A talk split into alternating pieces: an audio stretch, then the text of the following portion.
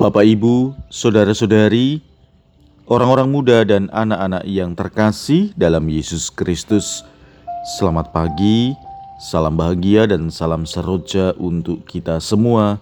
Berkah dalam bersama dengan saya, Romo Antonius Garbito Pamboaji, menyampaikan salam dan berkat Allah yang Maha Kuasa dalam nama Bapa dan Putra dan Roh Kudus. Amin. Hari ini Rabu 1 September dalam hari biasa pekan biasa ke-22. Bacaan pertama dalam liturgi hari ini diambil dari surat Rasul Paulus kepada jemaat di Kolose bab 1 ayat 1 sampai dengan 8. Bacaan Injil diambil dari Injil Lukas bab 4 ayat 38 sampai dengan 44. Setelah meninggalkan rumah ibadat di Kapernaum, Yesus pergi ke rumah Simon. Adapun ibu mertua Simon sakit demam keras, dan mereka minta kepada Yesus supaya menolong dia. Maka Yesus berdiri di sisi wanita itu, lalu menghardik demamnya. Segera penyakit itu meninggalkan dia. Wanita itu segera bangun dan melayani mereka. Ketika matahari terbenam, semua orang membawa kerabatnya yang sakit kepada Yesus. Ia meletakkan tangan atas mereka masing-masing dan menyembuhkan mereka.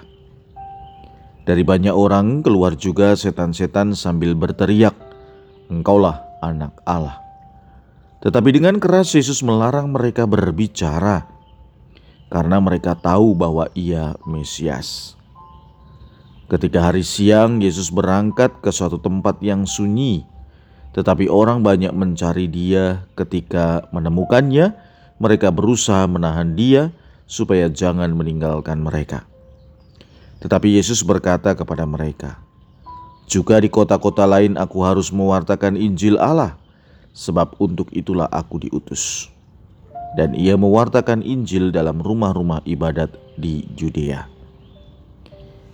Demikianlah sabda Tuhan.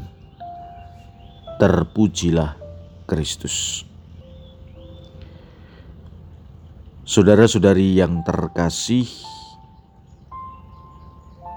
kalau kita mengikuti permenungan kemarin, kita melihat Yesus menyembuhkan orang yang kerasukan setan di dalam rumah ibadat di Kapernaum. Hari ini Yesus menyembuhkan ibu mertua Petrus dan orang banyak yang datang kepada Yesus minta kesembuhan dari segala penyakit dan roh-roh jahat yang mengganggu mereka.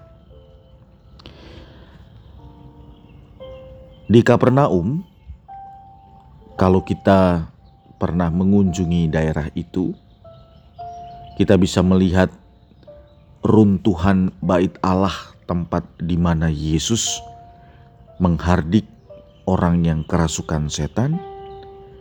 Dan tidak jauh dari situ ada rumah yang dipercaya sebagai rumah tempat di mana Yesus mengunjungi dan menyembuhkan ibu mertua Petrus. Ada empat hal yang bisa kita renungkan dari sabda Tuhan hari ini. Yang pertama, setelah Yesus menyembuhkan orang yang kerasukan di bait Allah, Yesus pergi ke rumah ibu mertua Simon yang dikabarkan sedang sakit. Yesus menyembuhkannya. Ini menggambarkan bahwa Yesus mau datang kepada siapa pun, termasuk juga memberi perhatian kepada anggota komunitasnya, yaitu Simon Petrus. Dalam hal ini, sebagai pribadi, kita pun juga diajak untuk memberi perhatian terhadap komunitas keluarga kita. Hal yang kedua, ketika ibu Simon Petrus sembuh, ia melayani mereka. Artinya, bahwa ketika kita mengalami sukacita, apa pun itu, kita hendaknya didorong dengan penuh semangat untuk memberikan diri melayani sesama kita. Yang keempat, bahwa kemudian hari mulai gelap, banyak orang datang kepada Yesus ingin mendapatkan kesembuhan. Mereka menginginkan agar Yesus menjamah mereka yang sedang sakit. Nah, saudara-saudari yang terkasih, hal ini mengajarkan kepada kita bahwa dalam kehidupan kita ada banyak orang di luar komunitas kita yang juga membutuhkan perhatian. Maka, dengan begitu, kita dipanggil untuk menunjukkan belas kasih di luar komunitas kita, di luar gereja kita. Yang keempat, bahwa Yesus kemudian menyendiri dan mengatakan, "Juga di kota-kota lain aku harus memberitakan Injil Kerajaan Allah, sebab untuk itulah aku diutus." Hal ini mengajarkan kepada kita bahwa sebagai murid-murid Yesus, kita pun diajak untuk ikut ambil bagian dalam pewartaan Injil. Ada banyak cara dan kesempatan untuk mewartakan kabar baik bagi orang lain.